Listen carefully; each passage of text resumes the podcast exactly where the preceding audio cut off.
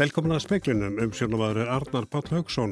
Mentamálar á þeirra hefur ákveð að höfða mál fyrir domstólum til að fá ógildan úrskurðu kjara nefndar Kæru nefndar jafnbreytismála sem taldir á þeirran hafa broti lög við ráningur ánættistjóra.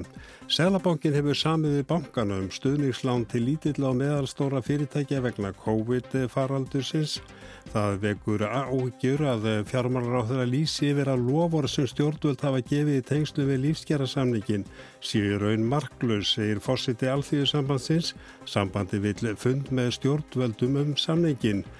Alþjóða heilbyrðistofnunin gerir áð fyrir að staðfesti korunveru smit í heiminum nái 10 miljónum í næstu viku. Stopna á ferða ábyrðarsjóð til að endur greiða pakkaferðir sem fjallir niður vegna COVID-19. Þetta kemur fram í nýju frumvarpi sem lagtu verið fram á alþingi. Horfur á að Íslanda losna af gráum lista alþjóðleira samtaka sem berjast gegn peningaþætti í oktober. Frangvandastjóri landvendar og prófessor sem stýrði mat á áhrifum lofslags aðgera stjórnvalda sýta fyrir svörum um forsendur nýrðar aðgera áallunar síðar í speklinum. Mentamálar á þeirra hefur ákveð að höfða mál til ógildingar á úrskurði kærunemdar jafnbreytismála sem komstæðir í niðurstöðu að ráð þeirra hefði brotið jafnbreytislög með ráðningu ráðunetti stjóra. Kæru nefndi jafnréttismála úrskurðaði í lok mæ að Lilja Alfredsdóttir, menta og menningamálar á þeirra, hefði brotið jafnréttislög með ráðningu Páls Magnússonar í embætti ráðunettistjóra mentamálaráðunettisins. Hafdís Helga Ólafsdóttir kærði ráðninguna til kæru nefndarinnar. Úrskurður hennar eru bindandi en málsaðilum er heimilt að bera þá undir domstóla. Það þýðir að ráð þeirra þarf að höfða mál gegn Hafdísi sjálfri til þess að hægt sé að ógilda úrskurðin. Í svari frá ráðuneytinu við fyrirspurt fréttastofu segir að lögfræði álit hafi bent á lagalega annmarka í úrskurði kærunendarinnar. Þá þykji úrskurðurinn bjóða upp á lagalega óvissu í tengslu við það ferli sem unnið er eftir við skipan embætismanna. Vegna þessa telur ráð þeirra brínt að laga óvissu verði eitt fyrir domstólum og höfði þess vegna mál. Áslög Árnadóttir, lögmaður Hafdísar Helgu, segir við fréttastofu að þetta hafi komið á óvart og ekki sé vita til þess að ráð þeirra hafi áður valið þessa leið. Andri Irkilli Valsson saði frá og rætt verið við áslögu Árnaldóttur í sjóansvéttum á eftir. Sælabankin hefur samið við bankanum stuðningslán til lítill á meðalstóra fyrirtækja vegna COVID-faraldursins. Lánin eru að hámarki 40 miljónir og eru með ríkis ábyrð. Ríkistjóðni kynnti í stuðningslánin 28. april en fjármálaráðuneyti og Sælabankin sömdu með framkvæm þeirra fyrir mánuðu síðan. Gaggrínt hefur verið að úrraði hafi ekki enn verið virkjað en Sælabankin laug samningum við bankana nú sítiðis. Ásker Jónsson er Sælabankastjóri. Við hefum núna hérna gengið frá þeim.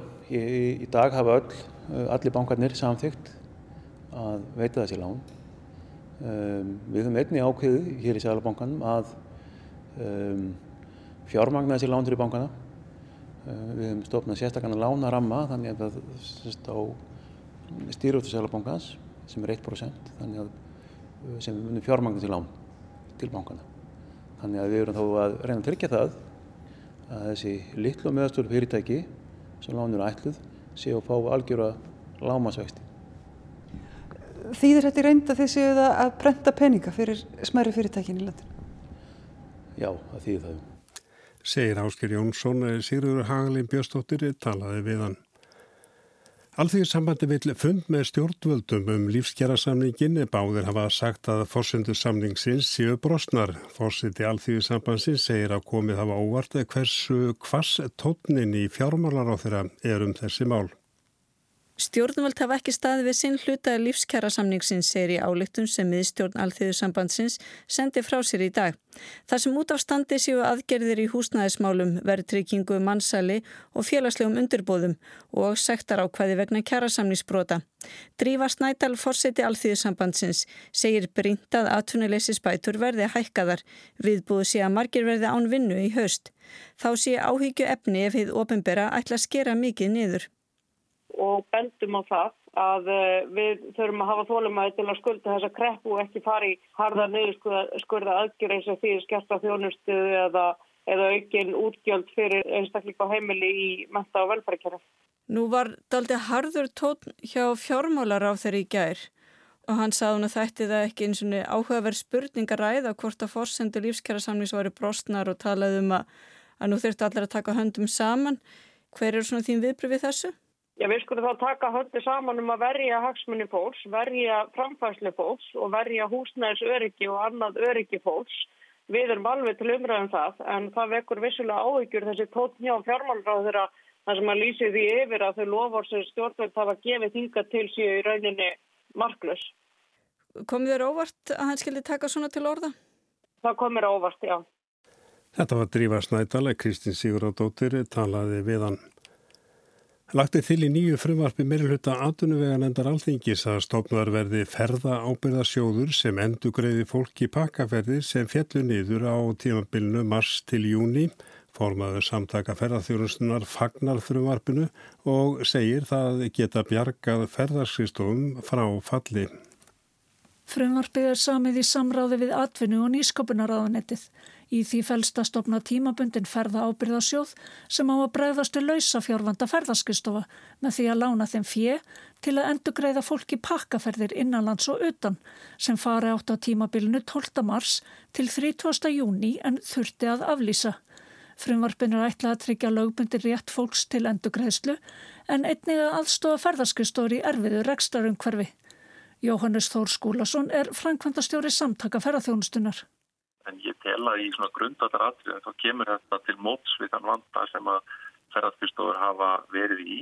En það er, hefur kannski aukið heldur á vandan hversu lengi hefur dreyist að, að, að ná fram nýðustöðu í hvaða leiðir eh, stjórnvöld hafa vilja fara í, í þessum máli en ég tel að miða við svona eins og staðan er að þá ætti þetta sé ég ágætleið sem að þarna er, er sett fram. Telur að þetta geta orðið til þess að halda lífi í einhverjum fyrraskristar sem berjast í bakkum? Já, alveg tímarlust. Ég veit dæmi þess að, að fyrirtæki e, í þessum geira munu einfallega verða dag að skila inn leifinu ef þetta verður ekki lögum. Skuldbindingar sjóðsins verða á ábyrð ríkisjós og hann verður í vörslu ferðamálastofu. Fólk getur beint kröfu í sjóðin og það geta ferðarskistofur einni gert. Ferðarskistofun þarf að greiða tilbaka innan 6 ára og fara ársvextir eftir starf fyrirtækisins. Áallega er að fjárþörf sjóðsins verðum 4,5 miljardar króna en þar sem um lán er að ræða er gert ráð fyrir að meiri hluti þess muni endurhengtast og renna aftur í ríkisjóð. Anna Lilja Þórustóttir tók pistilinn saman. Útlitið fyrir að staðfest koronaviru smit í heiminum nái 10 miljónum í næstu vikum en er langt í land með að COVID-19 farsótin nái hámarki í mörgum löndum. Tetros Adhanom Gebreyesus yfirmaður alþjóða heilbyrjustofnunarinnar sagði á stöðufundi í Genf í dag að stofnuninni hefðu borist tilkynningar um innan við 10.000 koronaviru smitt fyrsta mánuðin eftir að farsóttin braust út. Síðastliðin mánuð hefðu þær verið tæplega fjórar miljónir. Búast mætti við að fjöldin næði 10 miljónum í næstu viku. In the last months almost 4 million cases have been reported. We expect to reach a total of 10 million cases within the next week. Gebrei Jésús sagði að stjórnvöld margra ríkja hefðu gripið til sásauka fullra ráðstafana til að draga úr veiru smiti. Hann nefndi sérstaklega Sáti Araba sem hefðu bannað erlendum pýrlagarímum að sækja hats hátíðina í Mekka í ár. Hann hvað skilja vel vonbriði margra sem hefðu verið búinir að hlakka til ferðarinnar. Mike Ryan, yfirmaður neyðar áallunar helbriðistofnarinnar, sagði á fundinum að enn væri farsóttin ílskeitt í mörgum löndum og ætti eftir að ná hámarki, sérstaklega í mið- og Suður Ameríku. Frá 25 til 50% af fjölgun smittilfella hefði verið í löndum í þeim heimsluta í síðustu viku. Því væri útlitt fyrir umtalsverða fjölgun smitta og döðsfalla á næstunni. Áskir Tómasson saði frá. Ísland ætti að losna af gráum lista alþjóðleira samtaka sem berast gegn peningaþvætti í óttúber gangi áform eftir. Þetta kemur fram í frétt á vef stjórnarásins. Ísland var sett á listan í óttúber í fyrra og þá vonuðust ráþurar ríkistjórnarinnar að landi losna af listanum snemma á þessu árim. Það gekk ekki eftir á fundi samtakana í dag kom fram að Ísland hefði með fullnægandi hætti loki aðgerðin sínum til að uppfylla skilir í samtakana. Fulltrúar þeirra ætla að koma hingað í hausta í vettvangsferð til að staðfesta árangurinn. Gangi það eftir má gera ráð fyrir að lögð verði fram tillaga um að Ísland verði tekið af listanum í oktober. Bandalag háskólamanna telur að dómur félagsdóms í máli Íslenska ríkisins gegn félagi Íslenskra náttúrufræðinga sé rángur og standist ekki lögfræðilega skoðun þörf sé á að endur skoða lögin. Félagsdómur hvaða dómin upp í gær. Ágreiningur var um niðurstöðu atkvæðagreðslu um nýjan kjærasamning. Náttúrufræðingar lítu svo á að samningurinn hefði verið feldur en það vildu fleiri hafna honum en samþykja. Íslenska ríkið laði gagstaðan skilning í niðurstöðunar því hlutfall þeirra sem vildu fella samningin var undir 50% af öllum greitum atkvæðum. Ágreiningurinn snýrist því um hvort telja hefði átt auða segla með. Andri Valur Ívarsson, lögmaður BHM, segir dómin ekki endur spekla vilja félagsmanna. Við teljum að eh, raun og veru þarna sé ekki verið að fara að vilja félagsmanna sem greiða atkvæði. Félagsmenn sem að ákveða að taka ekki afstöðu með því að skila auðu eru ekki meðvitað að greiða atkvæði með eða gegn samningi heldur einmitt akkurat að skila auðu. Þetta var Andri Valur Ívarsson en Nína Hjörðis Þorkilstóttir talaði við hann.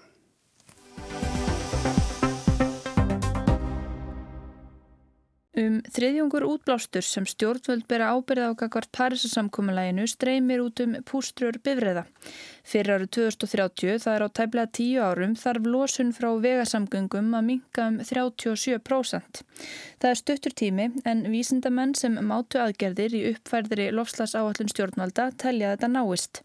Auður Önnu Magnúsdóttir, frámkvæmdastjóri landvendar, segir margt gott og framsækið í áalluninni en hún telur forsendur hennar ótrúverðugar og afar ólíklagt að stjórnvöld nái markmiðum sínum. Auður furðar sig á þeim forsendum sem leggja matinu á áhrifum aðgerða til grundvallar. Grunn sviðsmynd gerir ráð fyrir því að stór hluti samdráttarins verði sjálfkrafa án nokkura aðgerða auðvitað get ég ekki fullirt neitt um það hvað gerist í framtíðinni. Hins vegar er ekki trúverðugt eh, eins og þetta er sett upp í, í aðgerðaráallinu núna að við þurfum að minga losun um miljón tonn. Eh, af þessum miljón tonnum eh, eiga tæplega 300.000 að koma sjálfkrafa, sem sagt án aðgerða frá vegarsamgöngum og frá millir 2005 og 2018 að þá hefur uh, orðið aukning um 200.000 tonn. Þannig við erum í raun ekki að gera ráð fyrir business as usual, þess að það sé aukning. Við erum ekki eins og að gera ráð fyrir að þetta standi í stað, að losinu standi í stað. Heldur við að gera ráð fyrir miklum samdrætti sem er ekki samræmi við neitt sem hefur verið að gerast á síðaslinum árum. Í grunnsviðsmyndinni er gert ráð fyrir að losun drægist sjálfkrafa saman á tímabilinu um 286.000 tonn við bæti svo árangurinn sem á að nást með tíu aðgerðum á sviði orkuskipta í vegasamgöngum. Það er samdráttur upp á 71.000 tonn og þannig er því ansi stort gap. Það sem mér skilst að ég að brúa byli þá er einhvers konar tæknithróun og það að hlutfall hreinorskubíla aukist og kannski þá að bensín og dísilbílunni verði sparnitnari eitthvað þess áttar. Það lítur að vera eitthvað svo leiðis sem að þau gera ráð fyrir, ég veit ekki alveg hvað er þarna bakveð, eh, en það er svolítið vel í lagt eh, af því að við erum búin að vera að horfa upp á þessa þróun á þessum, þessum árum frá 2005. Bílarnir eru farinir að vera miklu sparnitnari, við erum samt að horfa upp á þessa rosalega aukningu í lósin sem hefur verið. Rafbílarnir er að riða sér til rúms, e, náttúrulega ekkert eins og er núna en það er, það er ákveði lag, það er fólk sem hefur lengi verið tilbúið að kaupa sér rafbíl sem er fyrst að geta núna bara því að frambóðið er aukast og, og e, Tesla er loksins, e, ég veit um marga sem har pöntið sér Tesla bíl fyrir tveimur árum og Tesla er loksins að afhenda það núna. Þannig það er búið að vera á, ákveði lag af fólki sem er tilbúið í að fá sér afbílinn en hérna hefur ekki geta gert það. Þannig að það gera ráð fyrir því að svo þróun verði svona rosalega hröð. Við erum bara að tala um nýju ár. Þannig að ég held að, að þetta sé þetta sé mjög veikarforsendur Þessi verður að búast við einhverju algjöru byltingu bara á já, næstu já, sem er, sem er fullkomin viðsnúningur með við það sem hefur gerst eh, algjörlega án yngrips og aðgerða. Varðandi rafbílina, nú er talað um það í aðgerðaáallunni að, að það verði jafn dýrt að kaupa sprengireyfilsbíl og ramangs eða reynorskubíl á þessu tímubili. Er þetta ekki eitthvað sem geti haft mikið að segja? Það hefur gríðarlega mikið að segja, vissulega ef að verðið er, er orðið að sama eh, en í aðgerðum sem að eiga skila árangur á svona rosalega stuttum tíma þá verðum við að hafa eh, bæði kvartning og takmarkanir og í þessum aðgerðum sem að eiga varða vega samgöngunar að þá eru við ekki að tala um neinar takmarkanir e, og takmarkanir væri þá, þá gjald á bensín og dísil og takmarkanir á, á innflutningi eða innflutningsgjöld á bensín og dísilbíla. Það mætti líka til dæmis e, hækka í þrepun e, innflutningsgjöld á bensín og dísilbíla til að gera þá dýrari. Kólefnisgjald nefnir töfnum tíkallega hverjum bensinlítra og auður myndi vilja tvö eða þrefaldaða. Það hefur sínt að það er lang effektífasta leiðin. E, Alþjóð gjaldri sjóðurinn mælti með því að kólumnisgjald er það hækka mjög mikið bara til þess að ná pærisasamkomulæginu og Alþjóð gjaldri sjóðurinn er ekki í rótæk e, umhverfisvendasamtök. E, samkvæmt þeirra útrekningum þá e, ef maður yfirfærir útrekningana á kólumnisgjald sem nú þegar er á Íslandi þá eru það að 2-3 faldaða. Brynhildur Davísdóttir, professor í umhverfis og auðlindafræði við Háskóla Íslands. Þú leittir teimi vísindamanna við Háskóla Íslands og Háskólan í Reykjavík og teimið eh, komst að þeirri niðurstöðu að stjórnvöld gætu staði við skuldbindingar sínar og gott betur en það. Eh, getur þú útskýrt þetta gap eða, eða hvernig losum frá vegasamgöngum á að minga um tæpan þriðjung í raun af sjálfu sér á nýst, næstu tíu árum? Þegar eins og auður segir þá er þetta algjör viðsmörningur. Þetta er hálrétt, hálrétt hjá auði, þetta er algjörviðsnungur sem að, uh, við búumst við að sjá. En ég ætla aðeins að fara tilbaka og fara yfir hvernig í raun uh, komist er að þessari nýðustöð. Það er að segja í fyrsta lagi það sem við gerum er að það er greint svo skolluð grunnsviðsmynd. Þar sem við metum ef að hlutinir halda áfram eins og þeir eru í dag hver mun árangurinn verða árið 2030. Þannig að það er svona business as usual hérna, eh, sviðsmynd sem að fyrst er lögð til grundvallar. Og þetta er þá gert í öllum geirum sem að, að aðgerðar áallunin snýr að og samgangur að sjálfsögðu eins og réttilega er sagt hér er, er mjög stór hluti af þessari heildar mynd. Uh, það sem að síðan gerist er það í, í grunnsviðsmynd fyrir samgöngur er það að við búumst við að svo þróun sem að þegar er farin af stað í áttað rafbílavæðingu til dæmis uh, hún muni halda áfram. Uh, það muni ekki hæja á henni heldur þetta móti henni muni, hún, hún muni hraðast eða verð, muni ganga hraðar til ásins 2030 Og, og það eru margvíslegar ástæður í raun og veru fyrir því að, að við sjáum fyrir okkur að þetta geti gerst. Uh, eins og auður kom inn á hér áðan eins og því rættuð þá sjáum við fyrir okkur einmitt að verð bensin bifreiða og, og rafbyrreiða verði mjög svipað þegar líður á í raun greiningar tímabilið eða þegar við fyrir að nálgast árið 2030 og svo sannlega mun það hafa áhrif. Uh, munum líka einnig að, að þegar við erum með þessar svo kvöldu grunnsviðsmyndir þá erum við að halda áfram með þær aðgerðir sem þegar hefur verið ráðist í. Það er að segja við erum ekki að þetta greina nákvæmlega þessa aðgerðar áallin í grunnsviðsmyndinni heldur allt annað sem þegar hefur verið gert. Þannig að þetta er raun og verið ekki að gerast að sjálfu sér. Það er ímislegt sem að hefur átt sér stað nú þegar. Og síðan er það það sem er alltaf mjög skemmtilegt, er það að þegar uh, svona fréttist meðal vinna og innan fjölskyldn og svo frammeins, ekkur er búin að kaupa sér rafbíl og, og það er yfirleitt mjög góð reynsla af því að eiga rafbíla. Það hvetur aðra til þess að, að halda þessu áfram og, og kaupa sér líka bíl.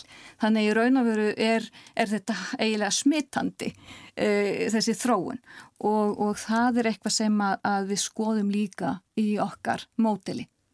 En hvað er það sem breytist núna? Því að nú hefur þetta kannski allt verið að gera síðustu fimm ár, síðustu tíu ár en samt heldur losun frá umferð áfram að, að aukast og uh, það er enn og dýrt fyrir marga kauparafbíl og bensinbílar verða fluttir inn í skipsformum fram til ásins 2030 landsmönnum fjölgar líklega.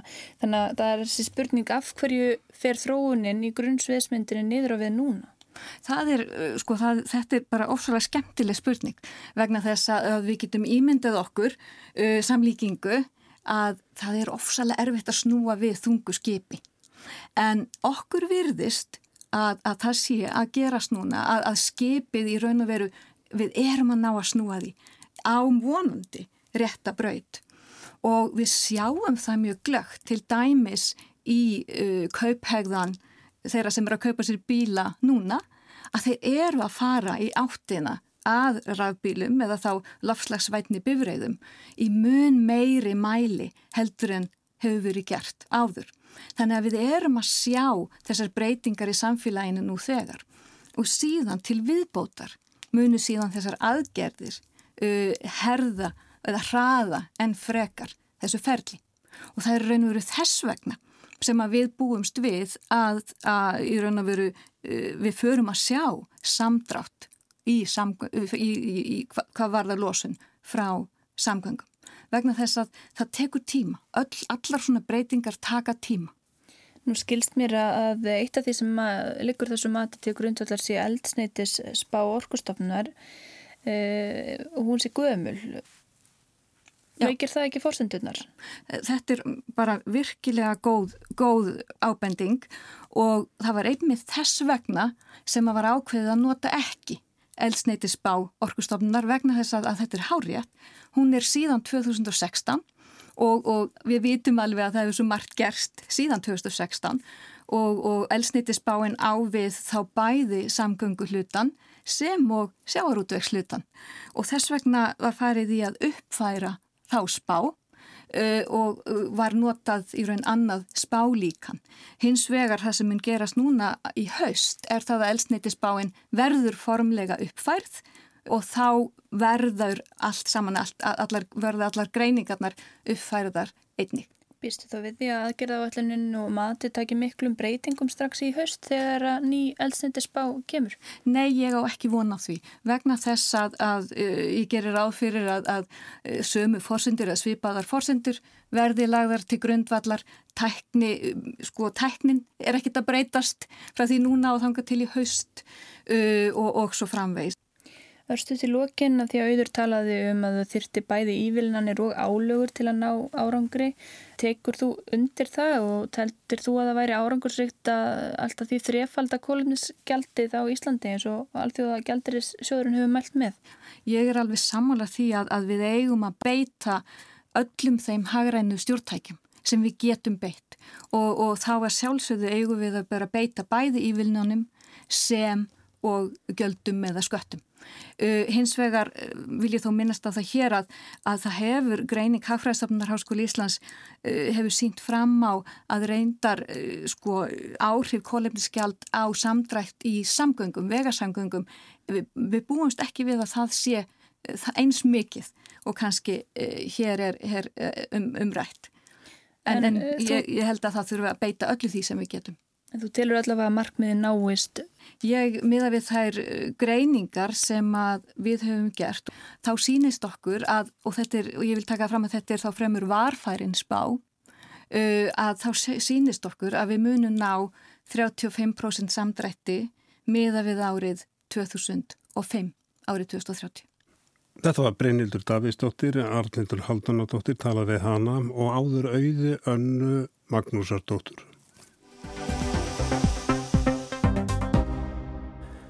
Í skriftofum Frankvandastjórnar Európusambansins í Brussel hefur COVID-19 veiran skikt á Brexit. Fátt áþreifanlegt hefur hafst upp úr samningavirðan breyta við Európusambandi sem staðið hafa síðan í byrjun mars um framtíðarvið skita samband landana eða sambansins og Breitlands. Í síðustu viðræðalótum verðist þó hafa nást sameiglegu skilningur sem hægt verður að byggja á.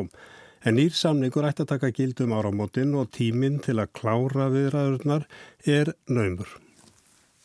Það er margt sem hefur farið úr skorðum undan farna mánuði og viðkvæðið er COVID-19 veiran, margt sem hefur farið öðruvísi en ætla var vegna veirunar. Brexit framhaldsagan, útgangabreitt úr Európusambandinu, er einn slík saga. Framvindan orðið öðruvísi en ætla var vegna veirunar Samningafundir um framtíðar viðskiptasamband breyta og ESB til dæmis farið fram um fjarfundabúnað eins og margt annað. Í sjálfum samningaviðræðunum steitir á ímsu. Af einstökum málum eru fiskveðarnar klárlega ólseitt viðfangsefni þar sem hvorki ESB nýja breytar hafi verið tilbúinir að gefa eftir, allaveg ekki hinga til. Þó sjáarútvegur hoss ekki hátt hvorki landsframlegslu breyta nýja þeirra átta ESB landa sem eiga mestra hagsmunað gæta þá skipta fiskveðar miklu tilfinningamáli. Svo er það forsendur ESB um að breytar samþykki að halda sig við ESB-reglur, atriði sem breytar eru ósáttur við. Reglur um ríkistyrki eru einnig erfitt mál. Vandi breytana er enn svo litið sá að keppum tíma og aðtegli á farsóttartímum, einnig að ESB er nú að semja innbyrðis um fjárlög loka nikkurinn í júli. Alltaf erfitt mál en frekar nú þegar ESB verður af fjárframlegi breyta og stendur frammi fyrir miklum útgjöldum vegna veirurhemmingana. Leðtóafundur ESB nú í liðinni viku fór í viðræður leðtóana um efnahasleg viðbröð vegna veirufaraldursins. Brexit-samningurinn við breyta verður geimtur fram í júli þegar leðtóarnir stefnaði að hittast í fyrsta skipti í eigin personu eftir veirufaraldurinn. Það hefur valdið ergelsi í ESB að breytar haldi sig lít við pólitíska samkómulæð sem var eitt liðurinn í útgöngusamningnum. Brettar telja samkúmulæðið aðeins hafa pólitískildi og það ekki bindandi. Formlega rétt en að mati ESB er samkúmulæðið þó forsenda framtíðarsamningsins. Það hefur síðan vakið ergelsi begja vegna samningaborsins hvað lítið hefur miðað í samningaviðræðunum fátt áþreifanlegt sem hefur náðust. Eftir síðustu samningalótu verðist að vera komið annað hljóð í strokkin Jú, viðræðurnar séu á réttri leið. Sankvæmt heimildun speilsins hefur þó ekki náðust neitt áþreifalegur áfangi, hins vegar ríki nú gagfæmur skilningur begja vegna samningaborsins á afstöðu mótaði lands og hvert stefni. Það sé mikilvægur áfangi, mikilvæg forsenda fyrir árangusríku framaldinu. Samningur verður á endanum einhvers konar málamiðlun. Hér er tilfinningin svo að brettar þurfi kannski að slaka meir á sínum kröfum en ESB, einmitt að því þeir hafið þegar gengist inn á ákveðin atriði í politíska samkómulæginu. Annað máli er að tíminn er naumur. Brettar eru harðir á að þeir gangi að fullu úr ESB um áramótin. Sábyðtími sem nú er rennur þá út. Annarkort hafa brettar þá nýjan samning í höndunum eða ekki en sama hvað þá yfirgefið þeir ESB að fullu. Stóra spurningin er eftir sem áður hvort að yfirleitt náist samningar. Boris Johnson, fórsætsráðara, hefur marg nýtt á að breytar hræðist ekki að vera án samnings. Brest viðskiptalíf hræðist þó þá stöðu að vera án viðskiptasamnings við þennan langstærsta viðskiptaðila sinn sem ESB er. Ímser telja samningsleysi fyrst og fremst Hótun Johnsons hann vilji raun umfram allt semja. Í grein í Financial Times nýlega var bent á að fórsætsráðara væri almennt fyrir ekkar lítill í sér þegar hólminn kæmi, kemur í ljós. Og kemur kannski fljótt í ljós, þó viðmiðunin sí áramótin hefur breskastjórnin lagt áherslu á að þegar í júli verði að vera komin árangur sem vísi rétta átt. Og verði þá allt klárt um áramótin. Það er líka óvíst, jáfnvel þó það liggi fyrir samningur í tæka tíð, Það mun hann hafa í för með sér breytingar sem tekur tíma að koma á. Það þarf til dæmis að þjálfa brest starfsfólk í tollafgreðslu og slíkri þjálfun gæti COVID-19 veiran senkað. Veiran hefur allstaðir áhrif en í Breitlandi eru veiru áhrifin samtvinnuð útgöngubreyta úr ESB og búa til ennstærri vanda úr erfiðu máli. Sigrun Davidsdóttir saði frá og það við sögðum frá því meðal annars í speiklunum í kvöld að mentamálar á þeirra hefur ákveðið að höfða mál fyrir domstólum til að fá ógildan úrskuru kærunemdar jafnbreytismála sem taldir á þeirran hafa broti lög við ráðningu ráðnitistjóra og nálarum þetta í sjóvarsréttum klukkan 7. Selabankin hefur samið við bankana með stuðningslán til lítill og meðalstóra fyrirtækja vegna COVID-19. Það vekur áhaugjur, segir fjármálar á þeirra, að fjármálar á þeirra lýsi yfir að lofar sem stjórnvöld hafi gefið í tengslu við lífsgerðarsamninginni síður raun marklus, segir fórsiti alþjóðsambandsins sambandið vill fund með stjórnvöldum um samningin og alþjóða helbreyðistofnin gerir ráð fyrir að staðfesta kórnusmitt, kórnuveirusmitt í heiminum en á í tíu miljónum í næstu vikum. En það er ekki fleira í speiklunum í kvöldi. Tæknimaður var Yngvar Alfredsson verið sæl.